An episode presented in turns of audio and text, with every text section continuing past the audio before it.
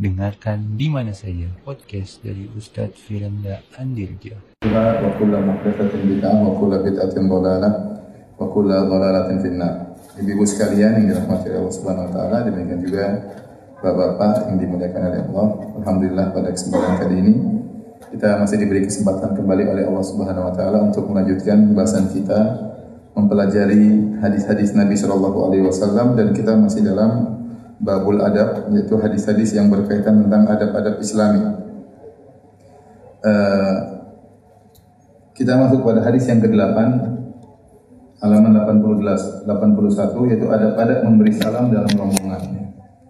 Jadi inilah di antara indahnya Islam adab-adab bahkan secara detail dijelaskan dalam Islam dan ini tidak akan kita temukan dalam agama yang lain ya.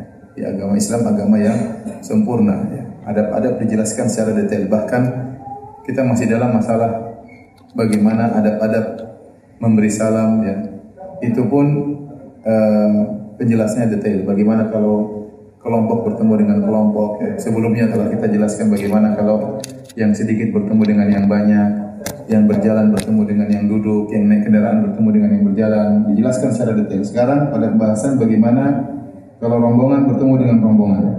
Dari Ali bin Abi Thalib radhiyallahu taala anhu, beliau berkata, Rasulullah SAW bersabda, "Yujzi'u anil jama'ati idza marru an yusallima ahaduhum wa yujzi'u anil jama'ah an yarudda ahaduhum."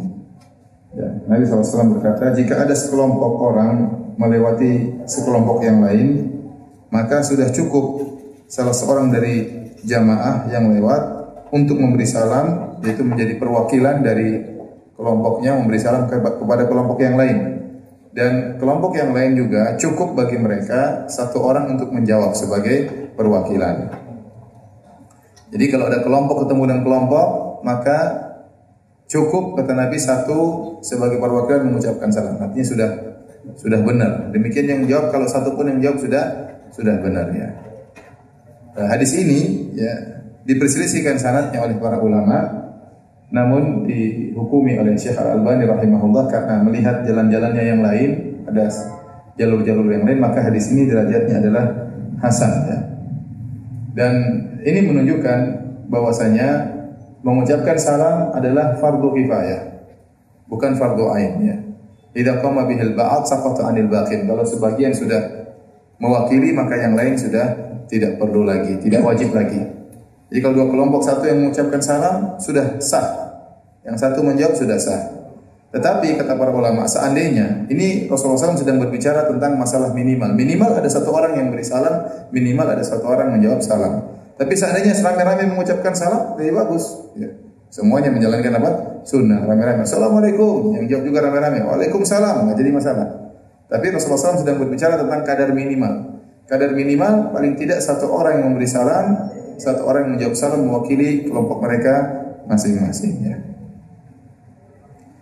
Dan ini menunjukkan tentang pentingnya mengucapkan salam. Ya. Ini sunnah memberi salam harus kita hidupkan. Ya, Rasulullah SAW mengatakan afsus salam abainakum tebarkanlah salam di antara kalian. Karena dengan menebarkan salam ya akan menumbuhkan cinta kasih di antara kaum muslimin ya. Enggak mengapa tepat salam, kirim salam ya. Itu bukan enggak ada faedahnya, ada faedahnya. Kirim salam buat si fulan. Ya sampaikan salam salam dariku ya. Atau mungkin kirim salam lewat WA dan yang lainnya ya. Jadi di antaranya kalau jamaah ketemu dengan jamaah saling memberi salam di antara mereka. Namun seperti saya seperti yang disabdakan oleh Nabi SAW bahwasanya inna baina yaday sa'ah tasliman khassah di antara tanda-tanda hari kiamat hanyalah memberi salam kepada yang dikenal. Ini kenyataan pahit yang kita tahu, yang kita lihat. Jadi tidaklah memberi salam kecuali yang saling mengenal. Adapun tidak kenal maka tidak memberi salam. Dan itu adalah tanda-tanda hari kiamat sebagaimana sabda Nabi sallallahu alaihi wasallam.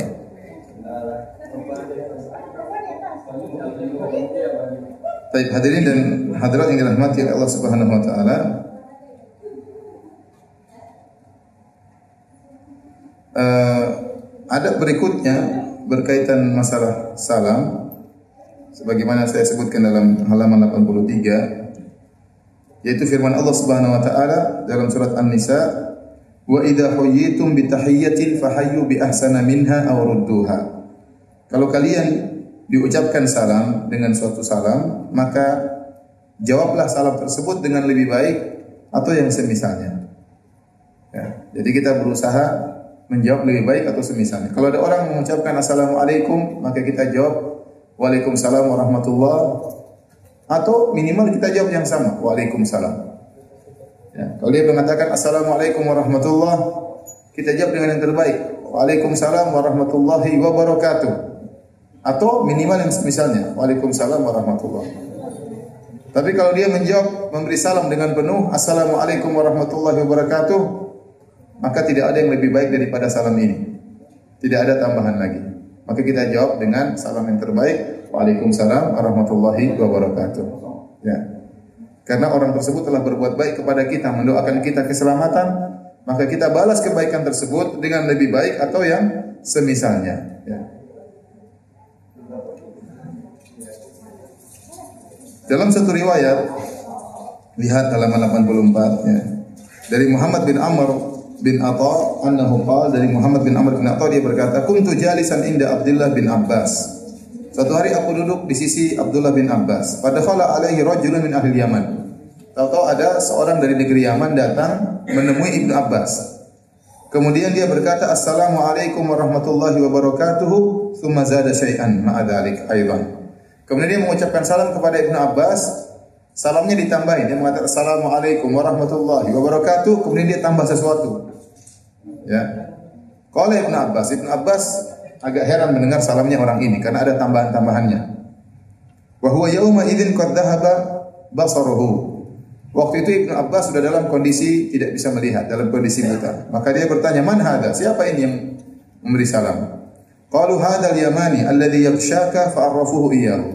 Kata mereka inilah orang dari negeri Yaman yang datang tadi menemuimu lalu mereka memperkenalkan siapa orang Yaman ini.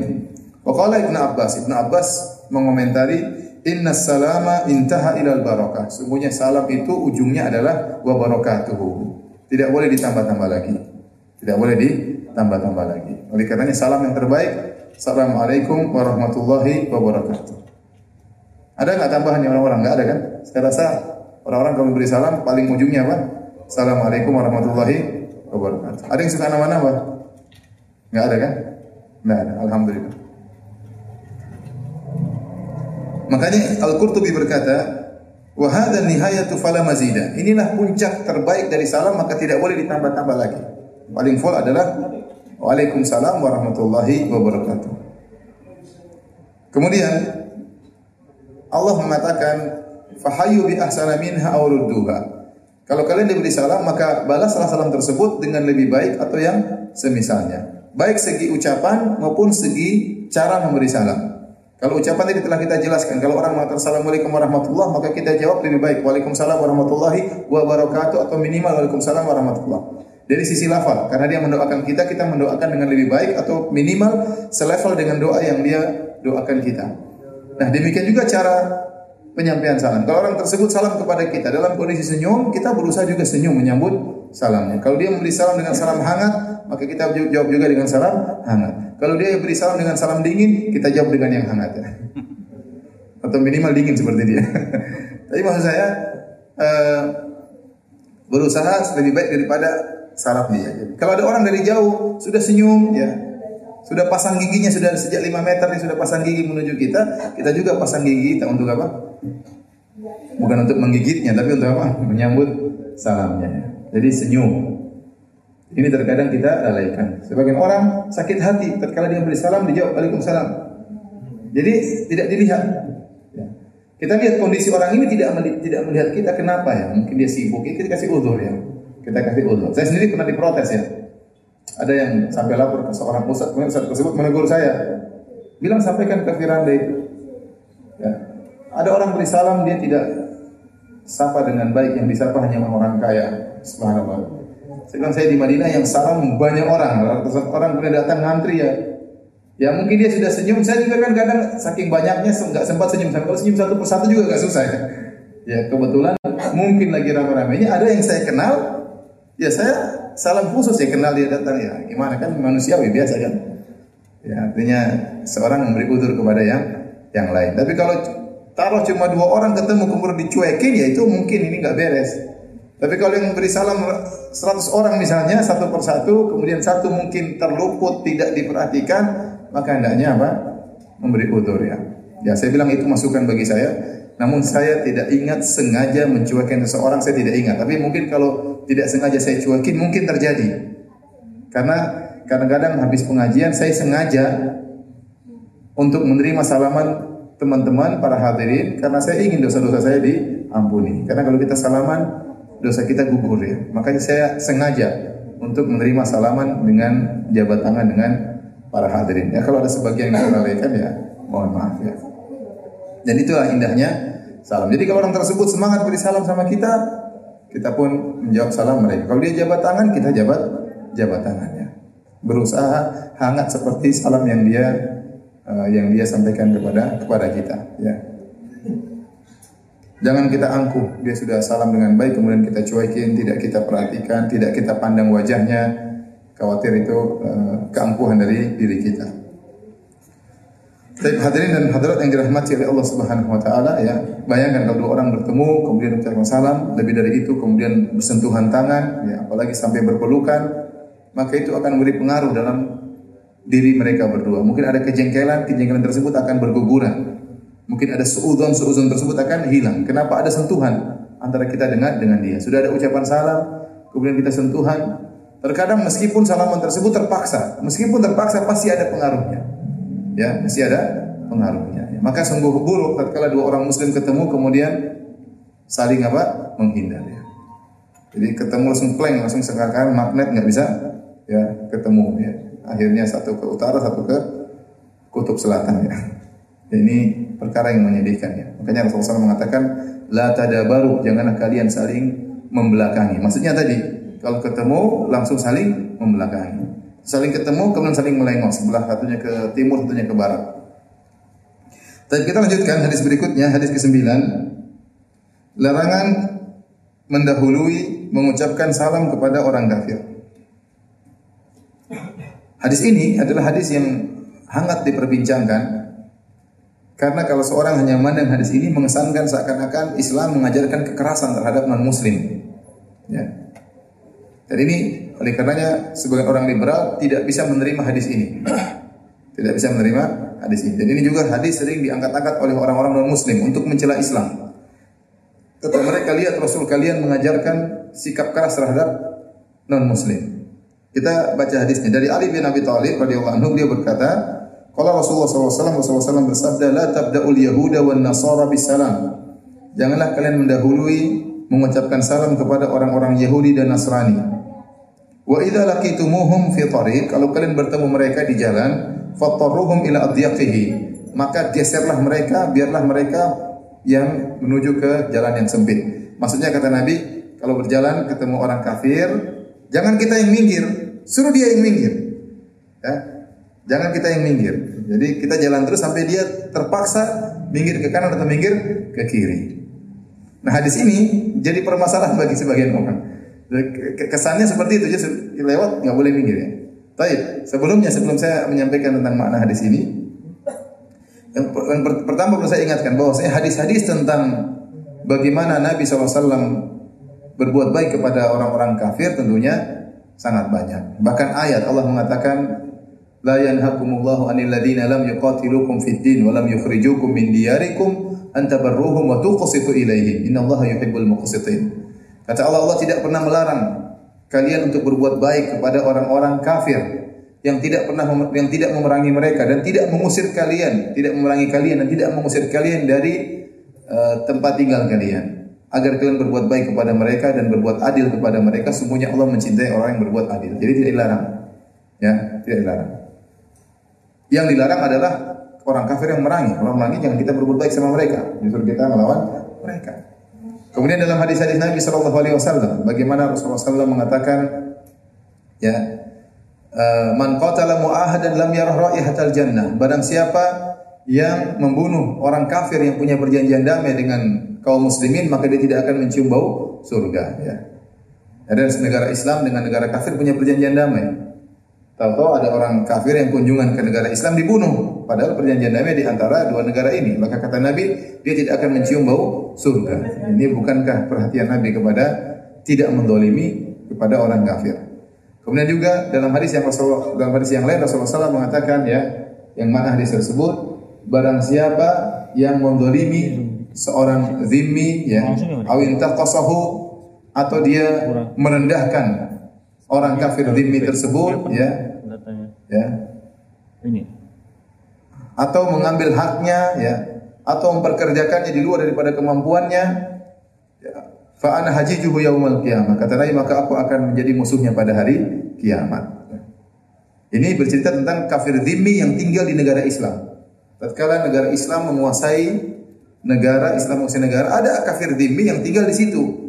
Nabi melarang tidak boleh kafir zalim ini di kafir dhimmi ini dizalimi enggak boleh karena kezaliman haram kepada hewan pun haram kepada manusia pun haram kepada orang kafir pun haram atau merendahkan dia atau merendahkan dia. Tidak pada tempatnya kita merendahkan dia. Apa dasar kita merendahkan dia tanpa hak? Ya.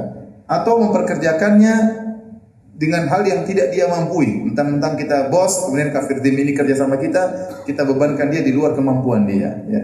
Kata Nabi, Fa'ana haji juhu yaumal qiyamah. Aku akan menjadi musuhnya pada hari kiamat. Ini ancaman yang tegas dari Nabi Sallallahu Alaihi Wasallam. Tidak boleh mendolimi orang kafir. Kemudian Nabi SAW baik sama orang kafir. Rasulullah SAW ya, menyenguk orang Yahudi didakwahi. Karena gulam eh, Yahudi, karena yakhdimun Nabi SAW. Pada seorang anak muda dahulunya pernah membantu-bantu Nabi. Dan kalau dia sakit, Rasulullah SAW datang mendakwahi dia. Akhirnya dia pun masuk Islam.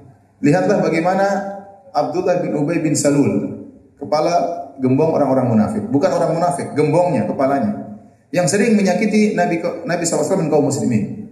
Yang pernah mengejek kaum muslimin mengatakan, La irraja'na ilal madinati la yukhrijanna la azzu minhal adhal. Kalau kami sudah pulang ke Madinah, maka orang-orang yang kuat di antara kami akan mengusir orang-orang lemah. Maksudnya, orang lemah kaum muslimin akan terusir. Dialah yang berkhianat tatkala perang Uhud, kemudian bikin perpecahan, tadinya seribu pasukan, akhirnya 300 pulang tinggal 700 untuk melawan pasukan kaum musyrikin 3000 dan dia melakukan uh, pengkhianatan tersebut menjelang peperangan. Jadi sudah berjalan seribu pasukan menjelang peperangan atau Abdullah bin Ubay bin Salul melakukan provokasi sehingga mundur 300 orang. Tinggal 700. Dialah yang menuduh istri Nabi yang sangat Nabi cintai itu Aisyah radhiyallahu taala sebagai wanita pezina ya. Luar biasa, banyak sekali ya. Banyak sekali gangguan yang dia berikan kepada Rasulullah SAW. Namun tatkala dia meninggal dunia, anaknya Muslim datang kepada Nabi mengatakan, jadi Abdullah bin Ubay bin Salul meninggal dalam kondisi miskin sampai-sampai tidak punya kain kafan. Maka dia datang kepada Nabi anaknya, ya Rasulullah ayahku meninggal, kalau bisa saya minta bajumu untuk mengkafankan ayahku. Rasulullah SAW buka bajunya kasih, kafankan bapakmu. Terus dia minta lagi, ya Rasulullah solatkan ayah saya.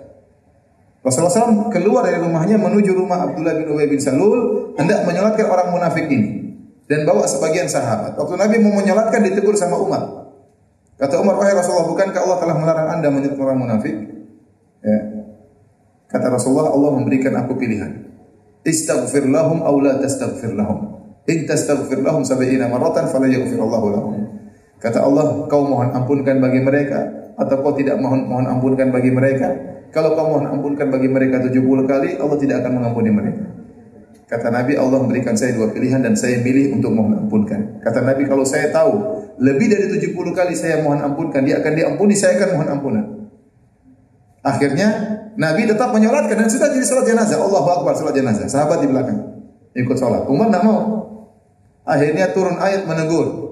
Wala tusalli ala ahadin minhum mata abada. Wala takum ala qabri. Innahum kafaru billah. Kata Allah jangan kau salat kepada seorang pun dari mereka yang meninggal. Allah setuju dengan idenya Umar Rasulullah SAW ditegur oleh Allah Subhanahu wa taala. Maksud saya, kenapa Nabi ingin menyolatkan Abdullah bin Ubay bin Salul? Karena Nabi tahu KTP-nya Islam. Padahal dia orang munafik, Nabi tidak tahu dia orang munafik. Tapi KTP-nya Islam, ya syariatnya orang Islam kalau meninggal di solatin. Ya, jadi Nabi menjalankan syariat secara zahir. Ternyata dilarang oleh Allah Subhanahu wa taala. Maksudnya Nabi bersikap baik terhadap orang-orang uh, orang-orang non-muslim. Ya, betapa sering Rasul dan Rasulullah SAW waktu datang kota Madinah, kemudian mengadakan perjanjian damai dengan orang-orang Yahudi, Bani Qainuqa, Bani Nadir, kemudian Bani Al-Quraidah. Kemudian akhirnya mereka melakukan pengkhianatan, diusirlah mereka sedikit demi sedikit. Ya. Dan betapa banyak orang-orang non Muslim masuk Islam gara-gara melihat akhlak Nabi Shallallahu Alaihi Wasallam. Jadi tentang indahnya Islam, akhlak mulia Islam terhadap non Muslim sangat, sangat banyak dalilnya. Tetapi kok ada dalil seperti ini? Kalau ketemu orang kafir, jangan beri salam, jangan minggir, biar dia yang minggir. Ini jadi perbincangan. Kok bisa ada dalil seperti seperti ini? Maka para ulama menjelaskan, ini dalam kondisi tertentu, dalam kondisi di mana seorang muslim harus menunjukkan izahnya. Contoh, dia lagi berjalan ya, di negara Islam, kemudian kenapa dia harus malu-malu pekeu sama orang kafir? Dia tunjukkan dia orang Islam, orang kafir lah yang pekeu sama sama dia.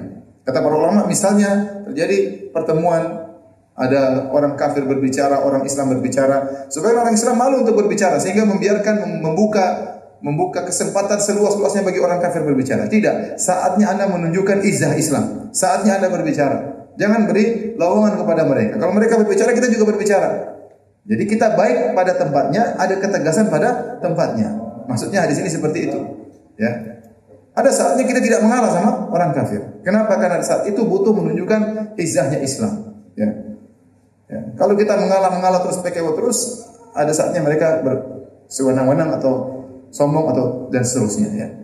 Jadi ini dalam kondisi tertentu kata para ulama tatkala ini berlaku di negara Islam. Tapi jangan diambil tohirnya diterapkan dalam segala kondisi salah ya. Kalau ada orang tinggal di negara kafir, kemudian ketemu orang kafir, orang kafir suruh minggir ya, langsung deportasi ya. Jadi enggak benar juga. Ada saudara-saudara kita banyak yang tinggal di negara-negara kafir. Tinggal di Amerika, tinggal di Australia. Ya. ya. mereka tentu tidak bisa menerapkan hadis ini. Kalau kalian bertemu dengan orang kafir, maka jangan fattaruhum ila adiyaqit tariq. Maka jangan minggir biarkan mereka yang ya itu tidak benar. Anda sekarang sedang numpang di negara kafir, maka Anda ramah kepada mereka agar mereka tertarik dengan Islam. Bukan Anda sudah numpang malah berbuat apa? Kasar. Subhanallah. Saya kemarin ke Australia mendengar fatwa yang aneh-aneh. Dari orang-orang Islam, dari orang takfirin di sana, subhanallah. Ada seorang ngaku murid Syekh Albani di sana. Rahimahullah ta'ala. Tapi pemikirannya takfir luar biasa. Sampai dia berfatwa bahwasanya harta seluruh orang kafir halal. Kalau begitu Anda boleh berbohong untuk mengambil harta mereka. Difatwakan. Sampai akhirnya sebagian orang Islam di sana sudah numpang di negara kafir karena orang-orang kafir di sana Australia memberi jaminan. Bagi yang dicerai dikasih jaminan tiap minggu dikasih berapa ratus dolar. Akhirnya mereka pura-pura cerai. Lapor ke pemerintah, saya dicerai sama suami saya. Padahal enggak cerai supaya dapat tunjangan tiap apa? Minggu. Kenapa? Ada yang memfatwakan boleh untuk membohongi orang kafir supaya dapat apa? Dapat duit. Ini salah satu bentuk hilas, salah satu bentuk kebohongan. Subhanallah, gimana akhlak Islam? Sudah tinggal di negara kafir, bohongin orang apa? Kafir. gimana orang kafir masuk Islam dan orang Islam seperti ini? Ini dipraktikkan oleh mereka. Mereka membohongin orang kafir dan ada yang berfatwa seperti itu. Ya. Padahal para ulama telah menjelaskan bahwasanya orang kafir yang halal darahnya dan halal hartanya itu kafir harbi yang berperang dengan kita. Kalau anda sedang berperang, anda bunuh dia, anda ambil hartanya, tidak ada yang protes karena orang tahu sedang berperang. Tapi kalau anda menampakkan perdamaian ternyata anda berbohong di belakangnya, tentu orang mencela. Nah, anda saya tanya sama mereka, antum tinggal di Australia ini orang-orang Australia ini orang kafir harbi, apa enggak? Bukankah ada perjanjian damai antara kita dan Indonesia? Indonesia dengan orang-orang Australia. Kalau kafir harbi, kenapa yang ini perangi mereka? Jadi kondisi damai, tapi orang kafirnya distatuskan sebagai status kafir apa? Harbi. Nabi SAW waktu tinggal di Madinah berinteraksi dengan Yahudi, Jual beli atau tidak? Jual beli. Emang Nabi colongi harta mereka semua? Enggak. Karena statusnya belum status perang. Kalau pas status perang ya silakan ente bunuh, ente ambil hartanya tidak ada yang protes. Tapi statusnya sesudah ambil ente berkhianat itu salah. Makanya Nabi jual beli. Bahkan Nabi SAW meninggal dalam kondisi punya hutang sama seorang Yahudi. Terus gimana ini? Yahudi lebih parah daripada Nasrani. Toh Nabi ternyata jual beli sama orang Yahudi. Toh Nabi ternyata meninggal dalam kondisi punya hutang dengan menggantikan baju perangnya kepada seorang Yahudi. Kenapa Nabi menggadaikan baju perangnya pada seorang Yahudi? Kata sebagian ulama, kata Nabi, nggak enak. Kalau minjem uang sama sahabat, pasti sahabat tidak mau dikembalikan. Ya, maka Rasulullah SAW mending sama orang kafir ya karena dia tahu sahabatnya sangat cinta kepada beliau sallallahu alaihi wasallam. Jadi para hadirin, saya bilang hadis ini kita praktekkan tatkala kita di negara Islam ya. Dan memang kita harus menunjukkan izah kita.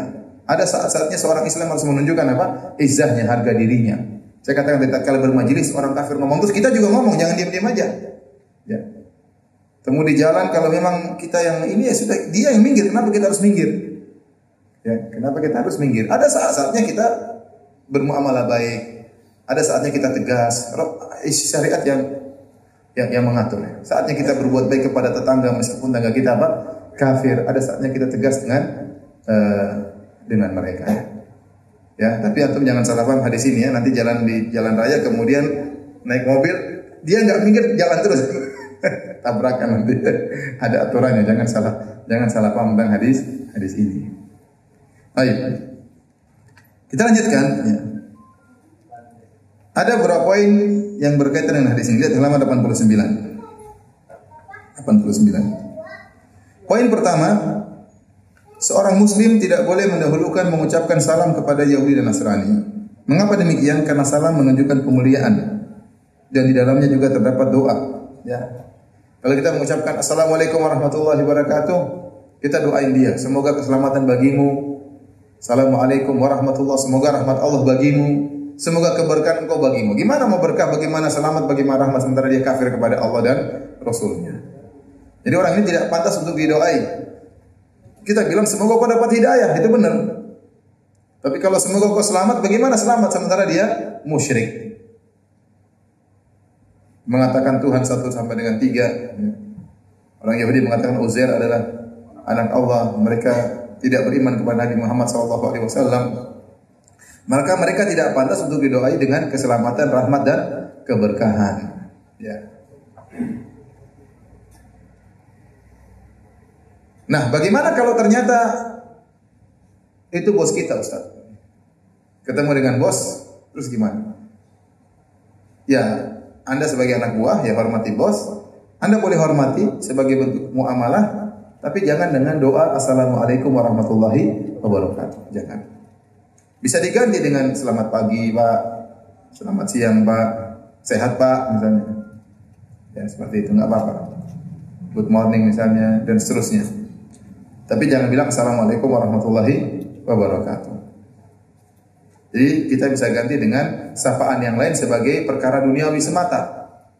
Adapun mengucapkan salam adalah perkara ibadah. Adapun sapa menyapa dengan sapaan yang lain tidak mengandung doa seperti ini tidak jadi masalah.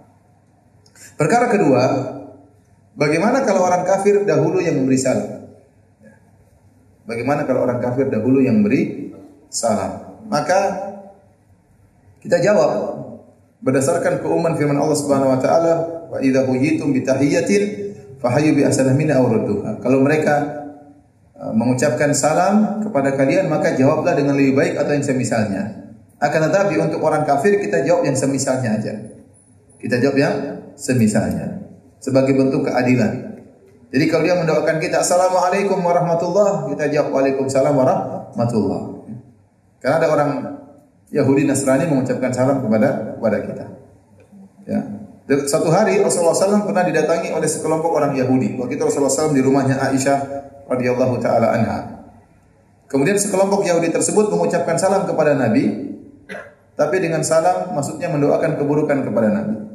Dengan huruf lamnya dihilangkan. Harusnya assalamualaikum, tapi mereka rubah assalamualaikum. Lamnya hilang. Orang yang tidak jeli menyangka mereka mengucapkan assalamu alayka ya Rasulullah. Selamat kepada engkau wahai Rasulullah. Tapi ternyata lamnya dihilangkan. Assalamu alayk. Artinya semoga kau mampus wahai Muhammad. Semoga engkau mampus wahai Muhammad. Maka Rasulullah SAW waktu didoain keburukan sama orang Yahudi, Rasulullah SAW jawab, Wa alaikum, kalian juga mampus ya. Kata Rasulullah SAW, Wa alaikum. Aisyah radhiyallahu anha tidak sabar mendengar hal ini dan biasa wanita kalau suaminya direndahkan yang lebih ngamuk istrinya daripada apa? suaminya ya. Karena saking cintanya kepada suaminya. Maka Aisyah kemudian mengatakan wa alaikumul la'nah ya wa alaikumussalam wal la'nah wal ghadab ya ikhwata al kirati wal fanazir. Kata Aisyah, semoga kalian mampus, semoga kalian terlaknat, semoga kalian dimurkai oleh Allah wahai saudara-saudaranya babi-babi dan monyet-monyet ya. Jadi lengkap. Semoga kalian mampus, semoga terlaknat, semoga dimurkai oleh Allah, wahai saudara-saudara babi-babi dan monyet-monyet. Dan ini benar, perkataan Aisyah tidak ada yang salah. Perkataan Aisyah radhiyallahu anha tidak ada yang salah. Orang Yahudi benar-benar terlaknat. Lu'ina alladziina kafaru min bani Israel, kata Allah dilaknat orang Bani Israel.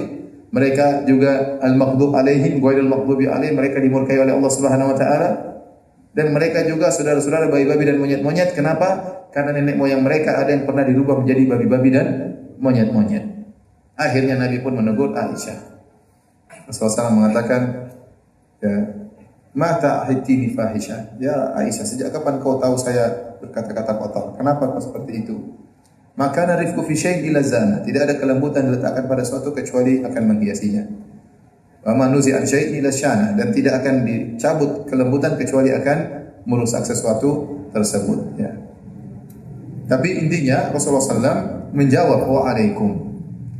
Nah dari sini kata para ulama, kalau ada orang non Muslim mengucapkan salam maka kita jawab dengan semisal salam dia. Kalau dia mengatakan assalamualaikum warahmatullah, kita jawab waalaikumsalam warahmatullah. Kalau dia mengatakan assalamualaikum warahmatullahi wabarakatuh, kita jawab karena kita adil. Kita jawab waalaikumsalam warahmatullahi wabarakatuh. Saya pernah menghadiri suatu pertemuan, kemudian dibuka oleh uh, seorang pejabat ya dan pejabat tersebut ternyata dikenali oleh masyarakat adalah pejabat yang murtad. Kemudian dia beri salam. Assalamualaikum warahmatullahi wabarakatuh. Masyarakat enggak ada yang jawab. Enggak ada yang mau jawab. Karena mereka tahu ini orang apa? Murtad. Enggak mau dijawab. Nah, ini dia ulang lagi. Saya tidak mendengar jawaban. Dia ulang lagi. Assalamualaikum warahmatullahi wabarakatuh. Masyarakat juga jawab cuma sedikit ya. Sebenarnya enggak apa-apa kalau dia beri salam kita beri salam. Mimbabil adil karena kita berbuat adil dan insaf dia mendoakan kita, kita mendoakan mendoakan dia. Ya. Terserah. Kalau doa dia doa dia doakan kita, kemudian dikabulkan oleh Allah, doa doa kita terhadap dia itu urusan Allah Subhanahu wa taala.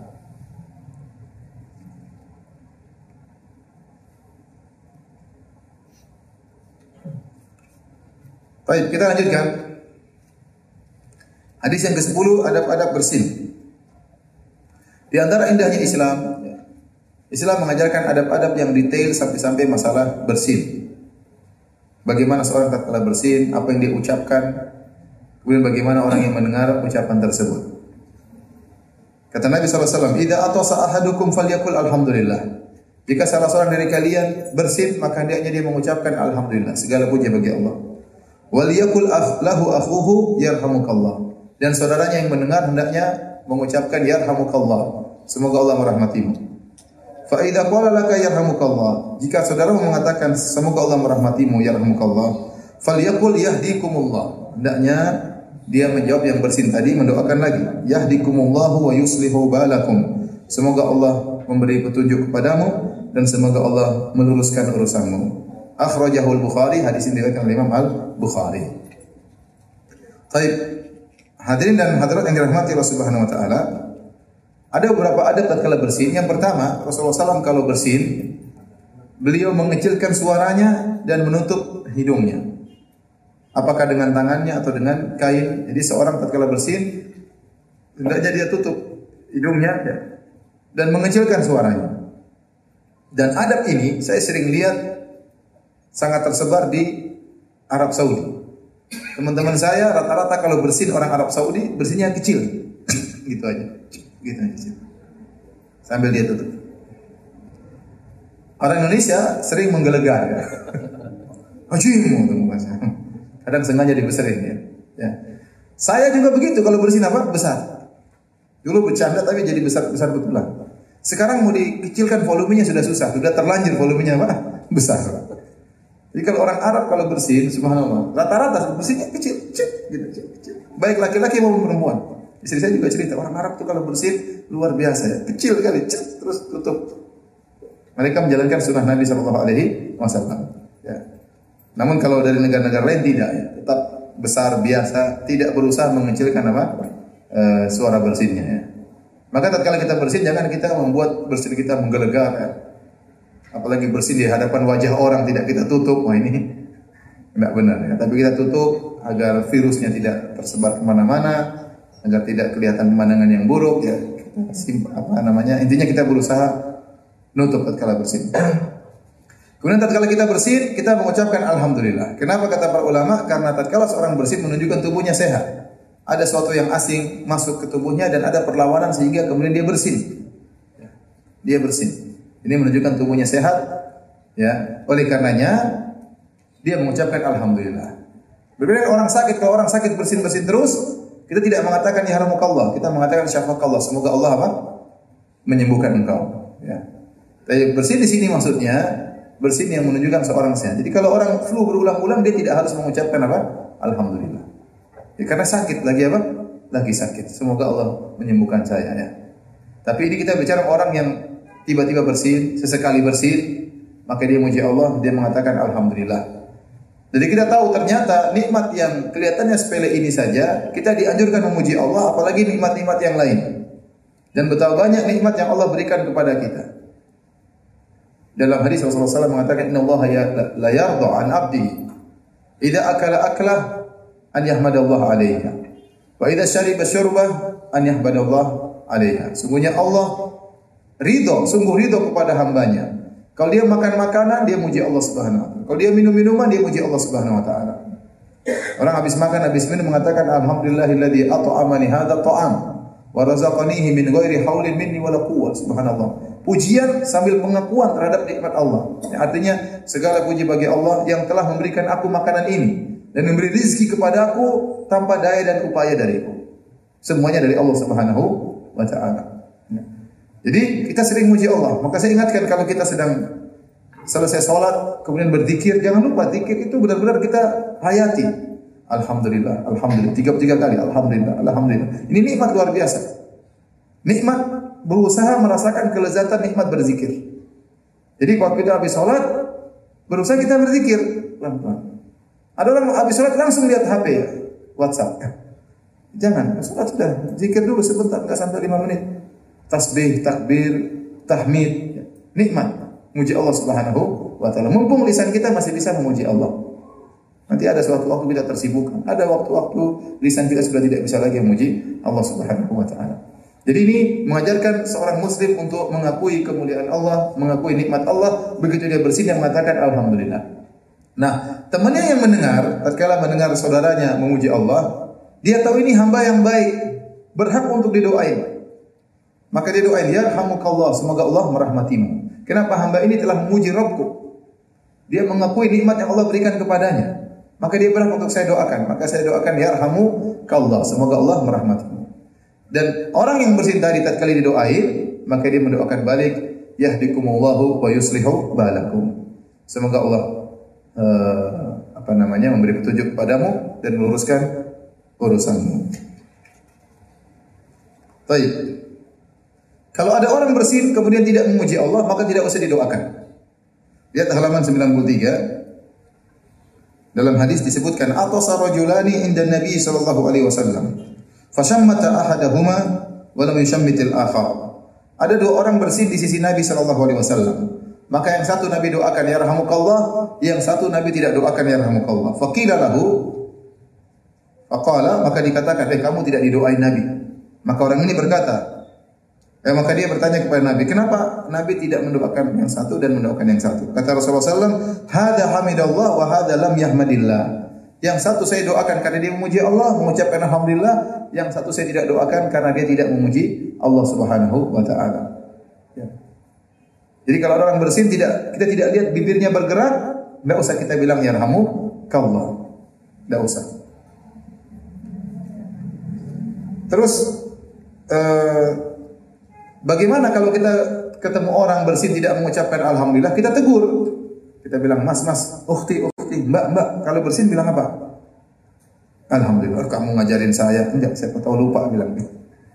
Atau kita bilang, Pak sudah sudah sudah alhamdulillah belum? Oh iya iya iya. Alhamdulillah. Alhamdulillah kita bilang apa ya kamu?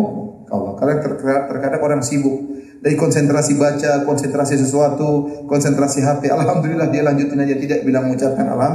Ah, dia bersih dia tidak mengucapkan alhamdulillah. Ya. Jadi kalau dia tidak mengucapkan tidak usah kita doakan. Tapi kalau dia tidak mengucapkan, kita berusaha tegur agar dia mengucapkan. Saya pernah di kampus ya, itu depan dosen, depan teman-teman, dosennya lagi ngajar, tahu-tahu dia bersih. Acim, waktu dia bersin orang Islam dia bilang sorry waduh jawabnya apa sorry ini saya nggak tahu jawabnya apa. Ya nggak saya dijawab seandainya dia bilang alhamdulillah kita akan jawab ya kallah tapi dia tidak bilang alhamdulillah dia bilang sorry ya. Baik, menjawab ya kallah ini hukumnya fardu ain atau fardu kifayah atau sunnah. Misalnya kita di majelis ada satu orang bersin, Hajim, Alhamdulillah. Apakah kita semua wajib menjawab Ya Rahmukallah? Atau cukup perwakilan satu orang, dua orang menyatakan Ya Rahmukallah? Atau sunnah, tidak dijawab juga tidak jadi masalah. Ada khilaf di kalangan para para ulama. Tapi pendapat insya Allah yang lebih kuat ya adalah fardu kifayah sebagian saja mengucapkan sudah cukup. Tapi seandainya semua orang ramai menjawab, ya rahmukallah, enggak apa-apa bagus. Doa semakin banyak kepada orang tersebut. Orang tersebut cukup menjawab, ya dikumullah wa yaslihu balakum ya. Tapi seandainya tidak semua menjawab ada sebagian yang menjawab maka uh, tidak mengapa. Demikian juga tadi saya jelaskan kalau ada orang bersin ternyata dia sakit berulang-ulang maka kita tidak mengatakan ya rahmukallah tapi kita mengatakan syafakallah. Semoga Allah menyembuhkan penyakitmu karena orang ini sedang sakit.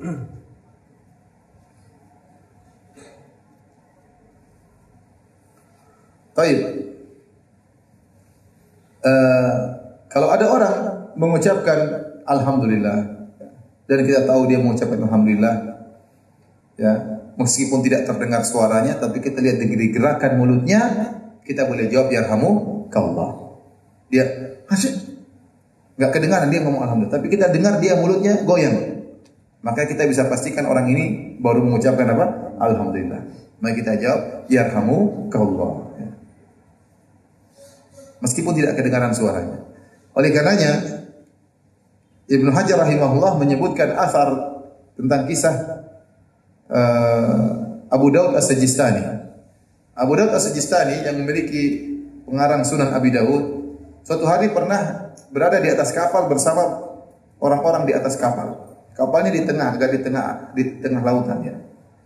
Tahu-tahu di pinggir lautan, di pinggir pantai, dia melihat dari kejauhan ada orang bersin di sana. Orang bersin. Ya. Dan tidak ada orang yang menjawab ya Rahmukallah bagi orang tersebut karena orang itu jauh di sana. Maka Abu Daud As-Sajistani kemudian menyewa kapal kecil dengan satu dirham. Mau ke mana? Saya ingin ketemu orang tersebut. Maka dia sewa kapal, dia pergi ke tepi pantai, dia ketemu orang tersebut, dia mengatakan, Ya Rahmukallah. Jadi bayar satu dirham untuk menjawab apa ya? Hamukallah. Orang tadi mengatakan ya dikumullah. Waktu dia balik lagi ke kapal, kapal induknya, ya, maka orang-orang bertanya ngapain?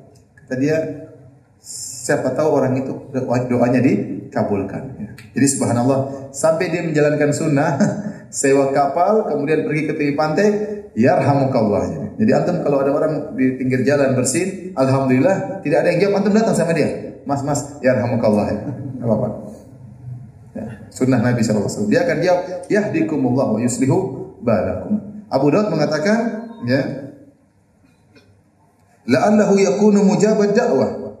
Siapa tahu dia orang yang dikabulkan doanya. Ya Abu Daud merendah. Ya. Dia tidak mengatakan saya menjalankan sunnah tidak, tapi dia merendah dia bilang saya doain dia karena dia bakalan doain saya juga. Siapa tahu doanya dikabulkan. Ya. Kemudian falamma raqadu kata Ibnu Hajar dalam riwayat tersebut tatkala mereka tidur di malam hari di atas kapal sami qailan yaqul tiba-tiba mereka mendengar ada suara yang berkata ya ahlas safinati inna aba daud istaral jannata min Allah bidirham. Wahai penghuni kapal sekalian sungguhnya Abu Daud telah membeli surga dari Allah dengan harga satu dirham. Jadi dia menjalankan sunnah ini ya, untuk mengatakan ya Allah ya Masya Allah sampai terjadi uh, karamah seperti ini ada suara yang mengatakan Abu Dawud telah memberi surga dengan satu dirham. Baik. Permasalahan berikutnya, bagaimana kalau seorang bersin dalam sholat? Apakah dia mengucapkan Alhamdulillah atau tidak? Jawabannya iya. Dia dianjurkan untuk mengucapkan Alhamdulillah. Seandainya tidak juga tidak jadi masalah. Tapi kalau dia mengucapkan Alhamdulillah tatkala sedang sholat, enggak jadi masalahnya. Dan ini terjadi di zaman sahabat radhiyallahu taala anhum. Kisah Muawiyah bin Al-Hakam As-Sulami. Saya bacakan kisahnya. Muawiyah bin Al-Hakam As-Sulami berkata, baina ana usolli ma'a Rasulillah sallallahu alaihi wasallam bil atasa rajulun minal qaum. Suatu hari saya solat bermakmum di belakang Nabi sallallahu alaihi wasallam dengan para sahabat, tiba-tiba ada seorang dari makmum bersin. Makmum tersebut mengucapkan alhamdulillah. Fakultu maka aku menjawab, aku mengatakan yarhamukallah. Faramanil qaumu bi absarihim. Maka waktu saya mengatakan yarhamukallah, orang-orang makmum yang lain semuanya ngelirik ke saya. Fakultu aku ngomong lagi, wasqula ummiyah. Ibuku kehilangan aku. Masya'nukum? Apa urusan kalian? Tanzuruna ilayya. Kenapa lihat-lihat saya? Jadi dia emosi. Jadi kita tahu kalau dalam solat ulama ijma barang siapa yang solat kemudian dia ngomong sama orang solatnya batal. Solat tidak boleh ngomong sama orang lain. Karena anda sedang bermunajat dengan Allah, anda hanya boleh berbicara dengan siapa? Allah Subhanahu Wa Taala. Kalau anda sengaja bicara sama orang, maka solat anda batal. Ya, tidak boleh. Kecuali kalau enggak sengaja atau kelepasan ya. ya. Saya pernah punya teman ya, solat di Masjid Nabawi. Lagi solat, ada anak kecil lewat, dia tahan. Anak kecil lewat lagi, dia tahan lagi. Anak kecil itu ngeyel, mungkin ganggu. Akhirnya teman itu kelepasan. Hina katanya, sini lewat sini. Sampai kelepasan apa? Ngomong gara-gara jengkel sama anak ini. Dan ingat kalau kita sengaja ngomong sama orang salat kita batal. Ini ijma para ulama. Nah, sahabat Muawiyah bin Hakam As-Sulami ini dia mendoakan ya rahmukallah artinya semoga Allah merahmatimu itu menunjukkan dia ngomong sama orang yang bersin tadi. Karena kata gantinya menggunakan kata ganti orang kedua. Ya rahmukallah. Semoga Allah merahmatimu. Adapun yang bersin mengucapkan alhamdulillah tidak ada masalah karena dia sedang ngomong sama siapa? Allah. Dia muji Allah, alhamdulillah. Segala puji bagi Allah. Salatnya tidak batal karena dia sedang berbicara dengan Allah. Yang jadi masalah yang mendoakan ya rahmukallah, dia berbicara dengan orang yang bersin tadi. Maka para sahabat negur. Namun mereka tidak negur dengan perkataan, mereka ngelirik. Waktu Muawiyah bin Hakam As-Sulami ditegur dengan lirikan, dia semakin ngomong lagi, "Masya nukum, ada apa kalian? Tanzuruna ilai. Kenapa lihat-lihat saya?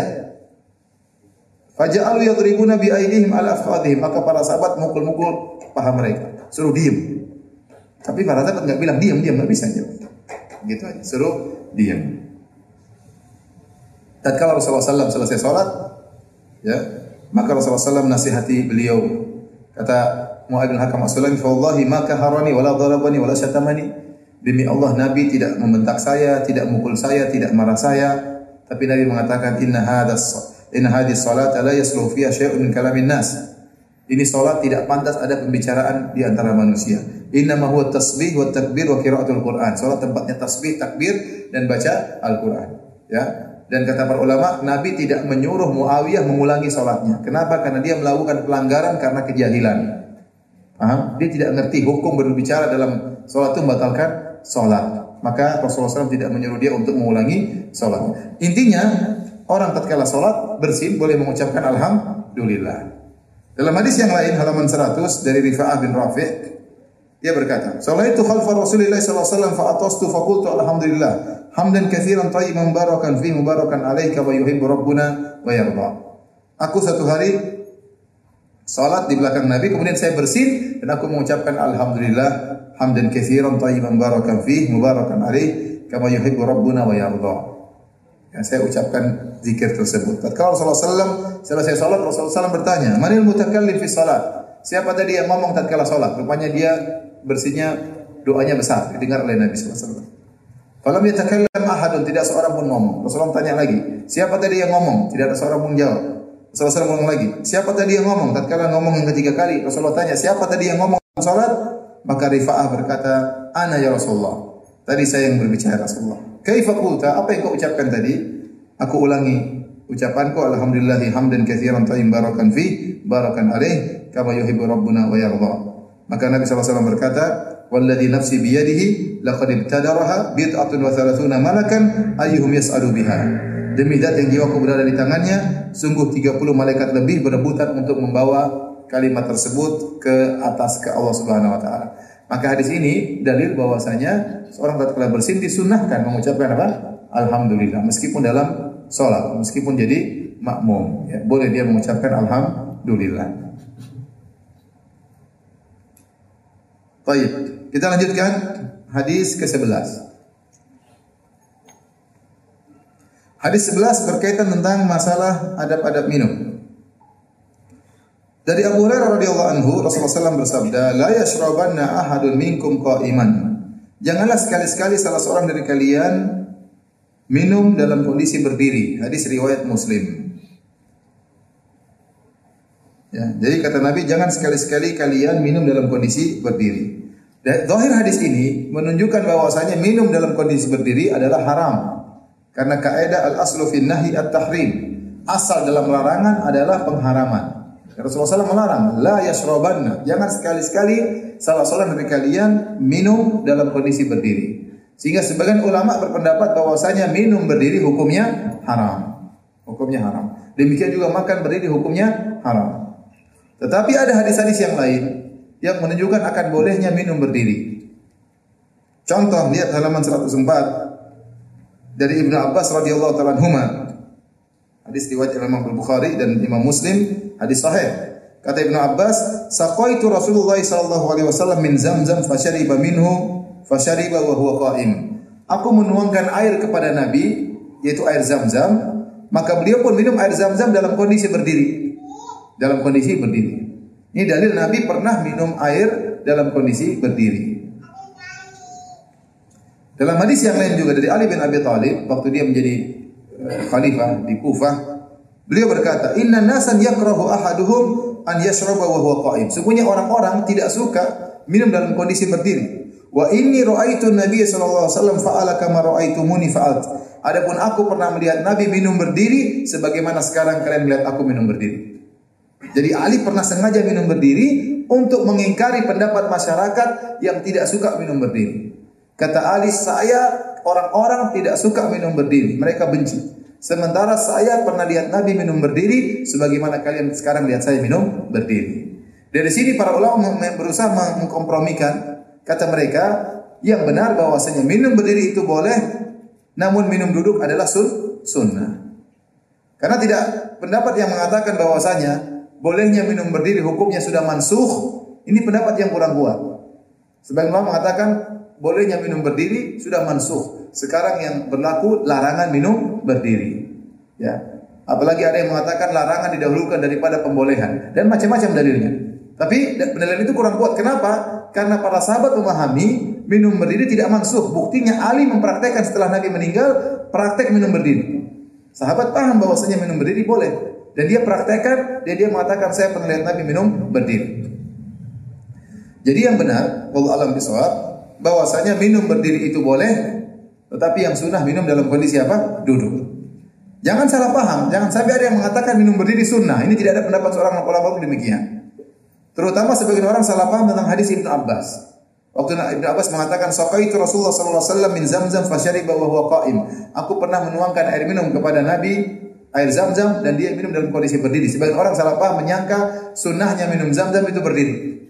Ini saya sering ditanya di Masjid Nabawi. Sering orang tanya, Ustaz, apa benar minum air zam-zam berdiri? Jawabnya tidak. Itu Nabi menjelaskan bolehnya. Rasulullah SAW sering minum air zam-zam duduk. Sesekali Rasulullah SAW pernah minum zam-zam ber berdiri. Jangan dipahami berarti minum zam-zam sunnahnya apa? Berdiri. Dan yang benar bahwasanya minum berdiri boleh, tetapi sunnahnya duduk. Ya, karena para sahabat pernah minum berdiri dan juga pernah makan berdiri. Lihat halaman 106. Kata Umar Ibnu Umar radhiyallahu anhu, "Kunna nashrabu wa nahnu qiyam." Kami minum dalam kondisi berdiri, wa na'kulu wa nahnu namshi dan kami makan dalam kondisi berjalan. Ala ahdi Rasulullah sallallahu alaihi wasallam di zaman Nabi sallallahu alaihi wasallam. Kami begitu. Kalau memang haram Nabi akan tegur. Namun kami pernah minum berdiri, kami pernah makan sambil ber, berjalan. Oleh karenanya Ibn Hajar berkata lihat halaman 107, "Idza rumta tashrabu faqut tafus bi sunnati safwati ahli al-Hijaz." Wa qad sahhahu syurbata syurbahu qa'iman walakinnahu li bayan al-jawaz. Kata Ibn Hajar, kalau kau ingin dapat pahala ikuti sunnah, maka minumlah dalam kondisi duduk.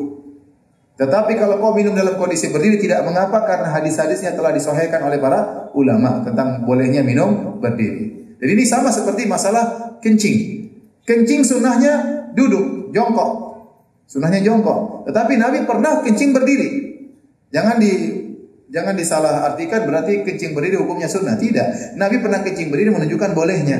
Tapi Rasulullah SAW seringnya kencing dalam kondisi apa? Duduk, dalam kondisi jongkok. Sama. Rasulullah SAW pernah minum berdiri beberapa kali. Tetapi seringnya beliau minum dalam kondisi apa? Duduk. Untuk menunjukkan minum berdiri hukumnya boleh. Ya, hukumnya boleh. Oleh karenanya, kita pun demikian. Kita seharusnya menjalankan sunnah Nabi kalau minum dalam kondisi duduk. Tetapi sesekali kita minum berdiri tidak jadi masalah. Mungkin lagi jalan, haus tengah jalan, beli minum minum terus. Eh bukan lagi tangkaran ya. Minum, kemudian jalan lagi. Tidak apa-apa. Tidak apa-apa. Seperti orang-orang hajian, ada tempat minum berdiri di, di, di kemudian minum berdiri. Tidak apa-apa. Kita lagi aktivitas. Sesekali kita berdiri tidak jadi masalah. Saya waktu uh, bersama Syekh Sa'ad Asyafri hafizahullah taala yang pernah menjadi ulama kibar dan anggota lajnah daimah ulama Arab Saudi. Waktu kita di hotel ada seorang bertanya Ustaz tolong tanya sama Syekh boleh enggak boleh enggak makan berdiri? Saya sampaikan Syekh ini bertanya boleh enggak makan berdiri? Ya maka Syekh langsung berdiri langsung dia jalan sambil makan. Langsung dia jalan sambil apa? Makan ya. Menunjukkan bolehnya makan apa? Berdiri. Jadi sesekali kalau kita ada jalan prasmanan, misalnya cara pernikahan, terkadang tidak disediakan kursi. Ya boleh kita duduk sambil jongkok, boleh kita makan berdiri sekali. Nggak jadi masalah. Seharusnya disediakan kursi karena sunnahnya makan dan minum duduk. Tapi terkadang sebagian acara tidak disediakan apa? Kursi. Ya. Mungkin kursi pun ada tapi sedikit. Sehingga model makannya sambil berdiri, sambil jalan sambil ngobrol, maka ini sesekali tidak mengapa karena hukumnya boleh ya. Adapun sebagian orang yang salah paham tentang firman Allah, Allah berfirman, "Alladzina kafaru yatamatta'una wa ya'kuluna kama ta'kulul an'am." Adapun orang-orang kafir mereka ya bersenang-senang dan mereka makan seperti makannya hewan. Kata mereka Allah larang kita makan seperti hewan dan hewan itu makannya berdiri, enggak boleh seperti hewan. Kita bilang ayat itu disalahpahami. Yang dilarang itu bukan cara makan hewan, tapi janganlah kalian hidup seperti hewan hanya pikiran senang-senang, hanya pikir apa? Makan. Bukan karena hewannya makan apa? Berdiri, bukan ya. Nanti kalau itu nggak boleh kalian makan pakai mulut. Kenapa? Karena hewan juga makan pakai mulut ya. Jadi maksudnya ayat tersebut janganlah kalian seperti orang-orang kafir yang hidupnya isinya hanyalah memenuhi syahwatnya dan bersenang-senang makan dan minum itu pikirannya itu. Tidak mikir tentang masalah akhirat. Baik, kita sampai jam setengah sebelas. Lanjut atau tanya jawab? Ibu-ibu, ibu-ibu di bawah ya? Di atas ya. Lanjut ya. Hah? 15 menit lagi. 15 lagi, oke tadi, 15 menit lagi. Lanjut hadis ke-12, kita sampai hadis ke-13 ya. Sekalian satu bab. Ya. Hadis ke-12 dan hadis ke-13 insya Allah. Sekarang kita beranjak kepada adab memakai sendal. Subhanallah, agama sempurna. Adab sendal aja diajar, pakai sendal. Dari Ali bin Abi Thalib beliau berkata, kalau Rasulullah SAW, "Idan ta'ala ahadukum falyabda bil yamin." Kalau salah seorang dari kalian pakai sendal, maka mulailah dengan kaki kanan. Wa idza naza'a falyabda bisimal. Kalau dia hendak membuka sendalnya, bukalah lebih dahulu kaki kiri. Wal takunil yumna awwalahuma tun'al wa akhirahuma tunza. Jadilah yang kanan itu yang pertama kali dipakai dan yang terakhir dilepas. Yang kanan pertama kali dipakai dan sekaligus terakhir dilepas. Ikhwan dan akhwat yang dirahmati Allah Subhanahu wa taala, memakai sendal adalah kegiatan kita sehari-hari. Ikan kita se sehari-hari. Nah, kalau kita kerjakan dengan sunnah, kita dapat pahala. Kegiatan sehari-hari dapat pahala. Dan Rasulullah SAW sebagaimana dalam hadis yujibu tayammunu fi tanaulihi wa tarajulihi wa tuhurihi wa fi sya'nihi kulli. Rasulullah SAW suka menggunakan yang kanan atau mendahulukan yang kanan dalam menyisir rambut, dalam bersuci, ya, dalam pakai sendal dalam segala urusan. Rasulullah SAW yang baik-baik suka menggunakan yang kanan. Nah, kalau Rasulullah SAW sisi rambut, dia yang kanan dulu disisir. Baru kemudian kepala bagian kiri. Kalau Rasulullah SAW pakai baju, maka lengan kanan dulu, baru kemudian lengan apa? Kiri. Kalau Rasulullah SAW pakai sendal, kaki kanan dulu, baru kaki kiri. Demikian juga kalau Rasulullah SAW pakai celana, maka yang kanan dulu, baru yang yang kiri. Karena demikianlah Rasulullah SAW. Rasulullah SAW berwudu, tangan kanan dulu baru tangan kiri. Kalau Rasulullah SAW mandi, bagian kanan dulu baru bagian kiri. Seperti itu. Ya. Dan ini kegiatan kita sehari-hari, kegiatan kita sehari-hari. Bahkan Rasulullah SAW waktu cukur rambut, Rasulullah SAW waktu haji beliau cukur rambut yang bagian kepala kanan dulu dicukur baru kemudian bagian kepala kiri. Rasulullah SAW suruh cukur bagian kepala kanan setelah dicukur Rasulullah SAW suruh bagi-bagi rambutnya karena rambut beliau berkah bisa dijadikan obat rendaman airnya bisa diminum seperti dilakukan oleh sahabat. Kemudian setelah mencukur bagian kanan dia cukur sebelah kiri bagi-bagikan lagi rambutnya. Jadi ini perkara yang baik kanan dulu baru yang kiri. Jadi saya pernah sama teman habis hajian, habis lempar jamrah, Jamratul Aqabah tanggal 10 Dzulhijjah. Setelah itu kita boleh bertahalul, boleh cukur rambut. Dan di situ ada dua tempat cukur. Yang pertama cukuran yang resmi, agak mahal, 30 real, 35 real, tapi ngantrinya luar biasa. Yang kedua cukuran tidak resmi, orang-orang di pinggir-pinggir jalan dengan risiko kalau ada polisi kabur. Akhirnya kita mau cari yang resmi, tapi orang ramai berjubel-jubel ngantri ya Allah. Saya bilang lama sekali. Udahlah kita enggak resmi aja orang tukang cukur pinggir jalan kita. Akhirnya benar. Udah karena terlalu ramai bukan masalah duit ya, tapi masalah ngantrinya terlalu lama. Akhirnya ada ada orang-orang di bawah, ya sudah kita bisa 15 real, bisa 10 real tergantung tawar menawar. Akhirnya saya sama teman saya berdua kita cukur. Saya di luar dicukur. Sunnah bismillah, kanan dulu, kemudian kiri. Setelah selesai gundul, gantian teman saya. Teman saya baru cukur kanan, polisi datang. Akhirnya itu kan cukurnya kabur ya udahlah ah, ya udah rambut sebelah masih apa masih ada nanti kita balik ke kemah lanjutnya di mana di kemah tapi ini seperti itu ya. jadi rambut cukur sebelah jadi yang sunahnya kanan dulu nah yang ingin saya sampaikan kepada Pak Harin Hadarat ini gigit kita sehari tiap hari toh kita pakai baju tiap hari kita pakai celana tiap hari kita pakai sendal ya nah kalau kita hadirkan sunnah Nabi ini bukankah pahala terus mengalir Itulah bedanya orang berilmu dengan orang tidak berilmu. Orang tidak berilmu dia pakai baju seperti jaran sehari-hari aja. Tidak ada pahala begini. Pakai sendal tapi kalau kita berilmu kita tahu ini sunnah Nabi. Pakai sendal apa pakai baju kanan dulu dengan kanan dengan kiri sunnah Nabi sallallahu alaihi wasallam.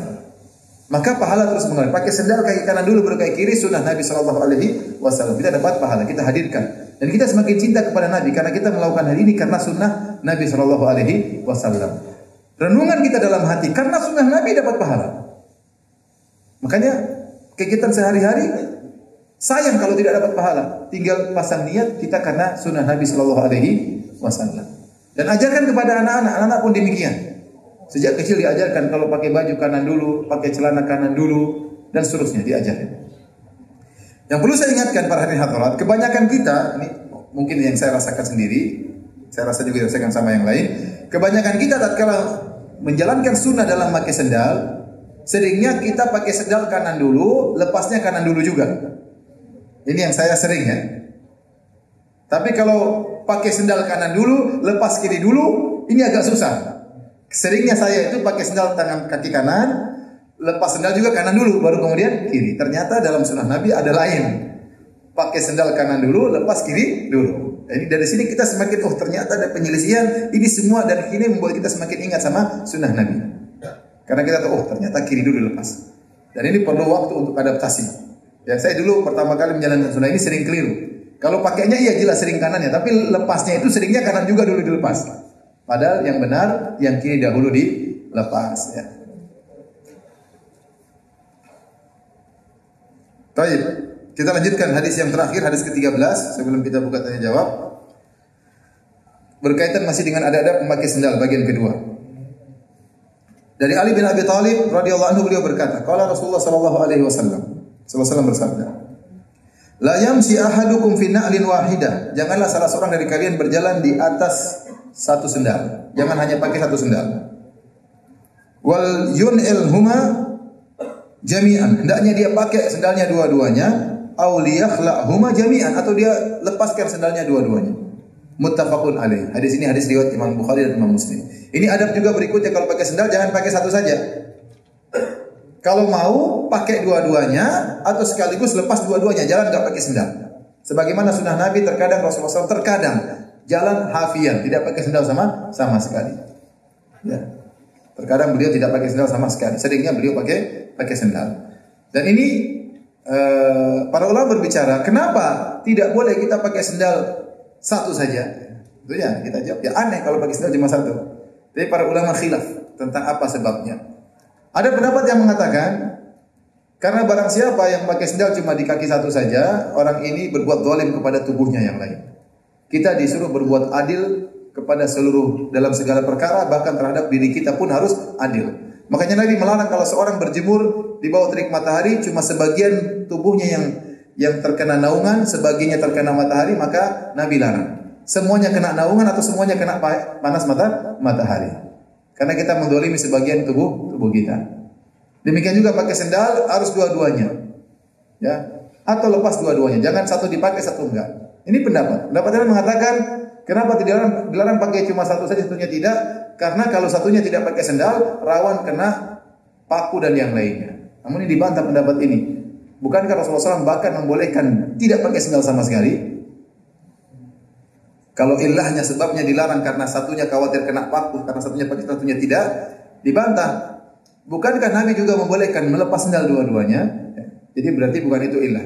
Pendapat yang ketiga mengatakan kenapa dilarang? Karena orang yang memakai sendal satu saja akan menarik perhatian. Dan Rasulullah SAW melarang kita memakai pakaian yang menarik perhatian. Dalam hadis kata Rasulullah SAW, "Man labitha thawba man labisa thawba syuhratin min ad-dunya albasahu Allahu thawba madallatin yaumal qiyamah. Barang siapa yang di dunia pakai pakaian ketenaran, pakaian kesohoran, Allah akan buat dia pakai pakaian kehinaan pada hari kiamat kelak. Ya, tidak boleh. Tidak boleh seorang pakai baju terlalu indah, tidak boleh. Sehingga semua orang melihat baju tersebut. Tidak boleh seorang pakai pakaian juga terlalu jelek, bolong-bolong sana, bolong sini, semua orang lihat. Padahal dia punya baju yang lain. Jadi tampil beda ini kurang disukai dalam syariat. Tampil beda itu kurang disukai oleh syariat. Ya, apalagi pakai pakaian yang aneh supaya diperhatikan. Ya, entah modelnya aneh sendiri, entah terlalu indah sehingga menjadi perhatian semua orang. Hendaknya seorang tawassut tengah-tengah pakai pakaian yang wajar, pakai pakaian yang yang wajar. Ya. Adapun kalau terlalu menarik perhatian maka tidak boleh. Saya ingatkan hal ini juga kepada para ibu-ibu. Ibu-ibu mungkin suka pakaian yang indah, tapi tidak boleh terlalu indah sehingga perhatian semua orang. Ya. Apalagi yang perhatikan laki-laki lebih parah lagi. Di, jadi pusat perhatian ibu-ibu saja tidak tidak boleh. Tidak boleh kita pakai pakaian syuhrah. Tidak boleh. Pakaian yang wajar saja, indah yang wajar, jangan terlalu indah. Jangan juga terlalu kumuh, terlalu lusuh sehingga menarik perhatian juga. Tidak boleh. Dua-duanya tidak boleh. Kata para para ulama. Karena uh, yang aneh-aneh tidak disukai dalam syariat. Makanya aneh ada orang yang kemudian berjalan berkira-kira jalan mundur. Itu ngapain? Kemudian jalan mundur pasang spion. Kurang kerjaan. Buat apa? Supaya dia terkenal, supaya masuk dalam Guinness Book of Record. Masuk dalam Guinness Book of Record sebagai rekor orang kurang kerjaan itu ini. Masuk memecahkan rekor dunia sebagai orang yang kurang kerjaan. Ngapain jalan kaki mundur pakai spion? Itu sudah jalan depan itu ya subhanallah. Ini jangan ya, jangan tiru seperti itu ya. Meskipun itu terkenal tapi kurang kerjaan. Demikian juga orang yang berjalan pakai sendal satu saja pasti jadi pusat perhatian. Orang akan lihat ya. Ngapain pakai sendal? Cuma satu. Ya, mending tidak usah pakai sendal atau pakai sendal dua-duanya. Baik, ini sebagai pendapat sebagian ulama dilarang pakai sendal satu karena ini adalah bentuk dari pakaian syuhrah, pakaian popularitas. Pendapat yang berikutnya, pendapat yang keempat, kenapa dilarang pakai sendal cuma satu? Karena itu kebiasaan syaitan. Ya. Dalam hadis kata Rasulullah SAW, Inna syaitana yamsi bin na'lil wahidah. Syaitan itu kalau jalan pakai satu sendal saja. Kok setan begitu Ustaz? Dia bilang setan hobinya begitu, setan suka aneh-aneh. ente enggak usah protes. Nabi bilang setan suka pakai sendal satu, ente mungkin heran. Kok setan hobinya begitu? Ya memang hobinya begitu. Hobinya ganggu ente, hobinya ya hobinya begitu mencari masalah. Kalau orang tidur dikencingi telinganya, ya, memang suka cari masalah. Di antara hobinya dia, ya suka kalau makan tangan kiri, minum tangan kiri, Fa inna syaitana yu'ti bishimal wa ya'khudh bishimal. Setan kalau memberi pakai tangan kiri, kalau ngambil pakai tangan kiri, itu hobinya setan begitu. Di antaranya hobinya kalau pakai sendal, pakai sendal cuma satu. Mungkin sendal kiri juga yang dia pakai. dia hobi yang seperti itu. Memang begitu. Modelnya kayak gitu. Dari sini kata para ulama, tidak boleh seorang pakai sendal cuma satu karena menyeru apa meniru setan. Tasyabuh dengan setan. Bukan tasyabuh dengan orang kafir, tasyabuh dengan apa? Setan. Dan Allah berfirman, "Ya ayyuhalladzina amanu La tattabi'u khutuwati syaitan. Wahai orang beriman, janganlah kalian mengikuti langkah-langkah syaitan. Oleh karenanya, pendapat yang kuat, memakai sendal cuma satu saja, maka hukumnya haram karena tasyabuh dengan syaitan. Yang perlu saya ingatkan juga di akhir pembahasan kita, yang dilarang adalah memakai satu sendal tatkala berjalan. Adapun kita lagi duduk, kita pakai sendal satu dulu sambil ngobrol, terus yang kedua belakangan enggak jadi masalah karena kita tidak sedang berjalan. Pakai sepatu juga kanan dulu baru kiri enggak apa-apa. Eh, enggak boleh pakai sepatu satu satu enggak boleh. Ya langsung dua-duanya enggak. Tidak apa satu dulu kanan baru kiri enggak jadi masalah. Tapi kita pakai yang kanan dulu. Yang dilarang pakai satu kalau sambil apa? Berjalan. Ya. Baik, demikianlah hadirin hadirat yang rahmati Allah Subhanahu wa taala. Kajian kita kita masih ada 15 menit tanya jawab ya. Saya akan pilih pertanyaan-pertanyaan yang bisa dijawab. Allah taala misal. Nasihat apa yang kita sampaikan tatkala menjenguk anak kita yang baru masuk pesantren kelas 1 SMP karena anak kita masih sepertinya sedih kangen rumah. Saya rasa di awal-awal mungkin harus sering kita kunjungi, jenguk.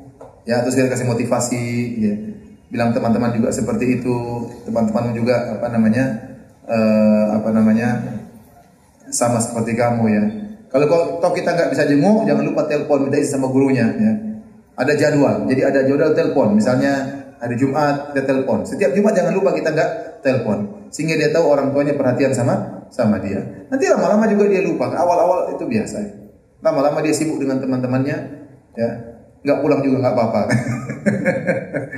Jadi uh, perlu sering dikunjungi untuk awal-awal. Kalaupun tidak bisa mengunjungi, maka jangan lupa di telepon. Tunjukkan kita perhatian. Tanya, ya, kasih tahu sama anak kita, bosnya kita perhatian sama dia. Bilang nanti, mama tanya sama gurumu bagaimana perkembanganmu, sehingga dia tahu dia diawasi oleh orang tuanya. Ya, sehingga dia akan serius. Karena dia tahu kalau saya tidak serius nanti guru saya lapor sama ibu saya. Ya. Nah, jadi intinya tetap perhatian dan yang paling penting mendoakannya. Idul Fitri adalah hari bersenang-senang. Apakah boleh dalam satu bulan Syawal itu kita bersenang-senang karena tidak mungkin satu hari cukup waktunya untuk ke rumah saudara untuk tamasya? Ah, bukan demikian juga bersenang-senang satu bulan penuh enggak. Ya sesuai dengan sesuai dengan urf kita. Urf kita nuansa Idul Fitri masih adalah seminggu dua minggu Syawal masih ada nuansa apa?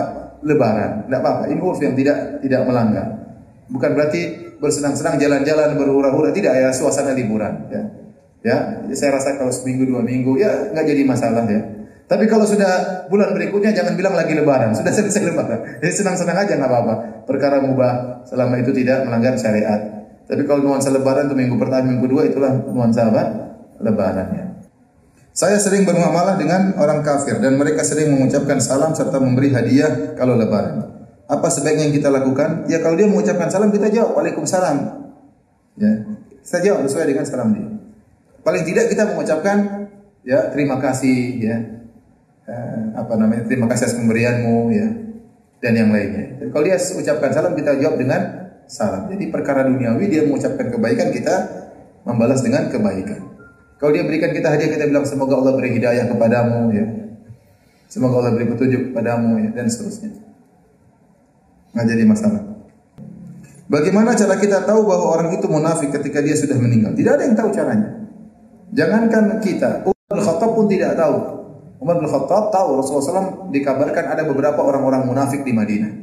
Dan Rasulullah SAW kabarkan kepada Hudzaifah, wahai Hudzaifah, si fulan munafik, si fulan munafik, si fulan munafik, si fulan munafik. Rasulullah SAW kabarkan kepada Hudzaifah. Sahabat tidak ada yang tahu. Makanya kalau ada orang meninggal, Umar lihat dulu, Hudzaifah solatin enggak? Kalau Hudzaifah solatin berarti bukan orang munafik. Kalau Hudzaifah enggak solatin berarti orang munafik. Umar ini enggak tahu. Sampai Umar bertanya kepada Hudzaifah, "Hal sammani, apakah Rasulullah SAW sebut nama aku termasuk orang-orang munafik?" Kata Hudzaifah, "Enggak." Jadi tidak ada ciri-ciri khusus, stempel kemudian ada stempel di kepalanya yang munafik enggak ada. Jadi kita hanya bisa menilai dari zahirnya. Orang ini kita khawatirkan munafik, kadang kemunafikannya nampak, contohnya dia membenci syariat Islam, ya contohnya dia mengejek-ngejek Nabi Muhammad sallallahu alaihi wasallam, dia orang munafik. Dia sudah menampakkan kekufurannya. Ya. Ya sudah jangan salatin orang seperti ini. Kenapa dia sudah menampakkan ke kemunafikannya meskipun dia KTP-nya Islam. Ya, tapi kalau dia tidak menampakkan kemunafikannya, ya kita zahirnya, zahirnya dia seorang apa? Muslim. Untuk domir muannas mukhatab apa harus diganti ya hamukillah atau tetap ya hamukallah? Boleh insyaallah kita kalau sama eh, eh, apa namanya? akhwat kita bilang yarhami yarhamukillah atau kita bilang yarhamukumullah ya yarhamukumullah ya boleh yarhami yarhamukillah bisa yarhamukumullah ya boleh. Atau gampangnya yahdikum. Yahdikumullah enggak usah diganti. Yahdikumullah karena antum itu kum bisa digunakan untuk lelaki, bisa digunakan untuk perempuan, mufrad maupun jamak ya.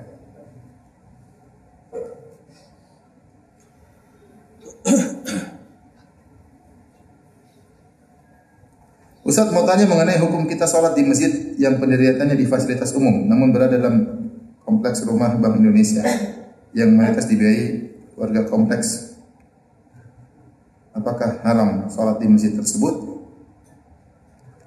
Allah alam bisawab uh, tidak mengapa ya sholat di masjid ya meskipun dalam begini kondisinya nggak jadi masalah. Masjid di mall namun milik orang muslim hanya pilihannya dari hutang. Pokoknya ada masjid sholat situ tidak apa-apa ya. Mau di mall di mana pun kalau dikenal sebagai masjid kita boleh sholat di di situ. Yang tidak boleh adalah masjid dirar kalau masjid itu ternyata dibangun untuk tujuan buruk ya, untuk provokasi misalnya, untuk memecah belah kaum muslimin maka masjid dirar tidak boleh. Sama masjid yang dibangun oleh warga yang ada salah satu warganya orang Syiah enggak jadi masalah. Yang penting itu masjid sudah milik Allah Subhanahu wa taala, milik kaum muslimin maka salat di situ enggak jadi masalah. Apa hukumnya menggerakkan telunjuk jari tatkala tahiyat? Ini hukumnya diperselisihkan apakah sunnah atau tidak sunnah. Yang jelas para ulama sepakat Eh, jari tidak digerakkan tidak jadi masalah. Cuma mana yang lebih afdal, digerakkan atau tidak. Bahkan jika seorang sholat jarinya tidak ditunjukkan juga tetap sah sholatnya. Ya. Jadi menunjukkan jari ini sunnah. Apakah sunnahnya digerakkan atau tidak maka khilaf di kalangan para para ulama. Ini masalah uh, masalah hadis. Ya. Saya tidak ingin panjang lebar. Uh, saya sendiri lebih condong untuk tidak di, digerakkan. Tetapi ini masalah khilafiyah. Kalau ada yang menggerakkan ya tidak jadi masalah. Ya. Demikian hadirin hadirat yang Allah Subhanahu wa taala kajian kita pada kesempatan hari ini insyaallah kita lanjutkan pada kesempatan yang lain kurang lebihnya saya mohon maaf subhanakallah bihamdik asyhadu an la ilaha anta astaghfiruka wa atubu ilaik assalamualaikum warahmatullahi wabarakatuh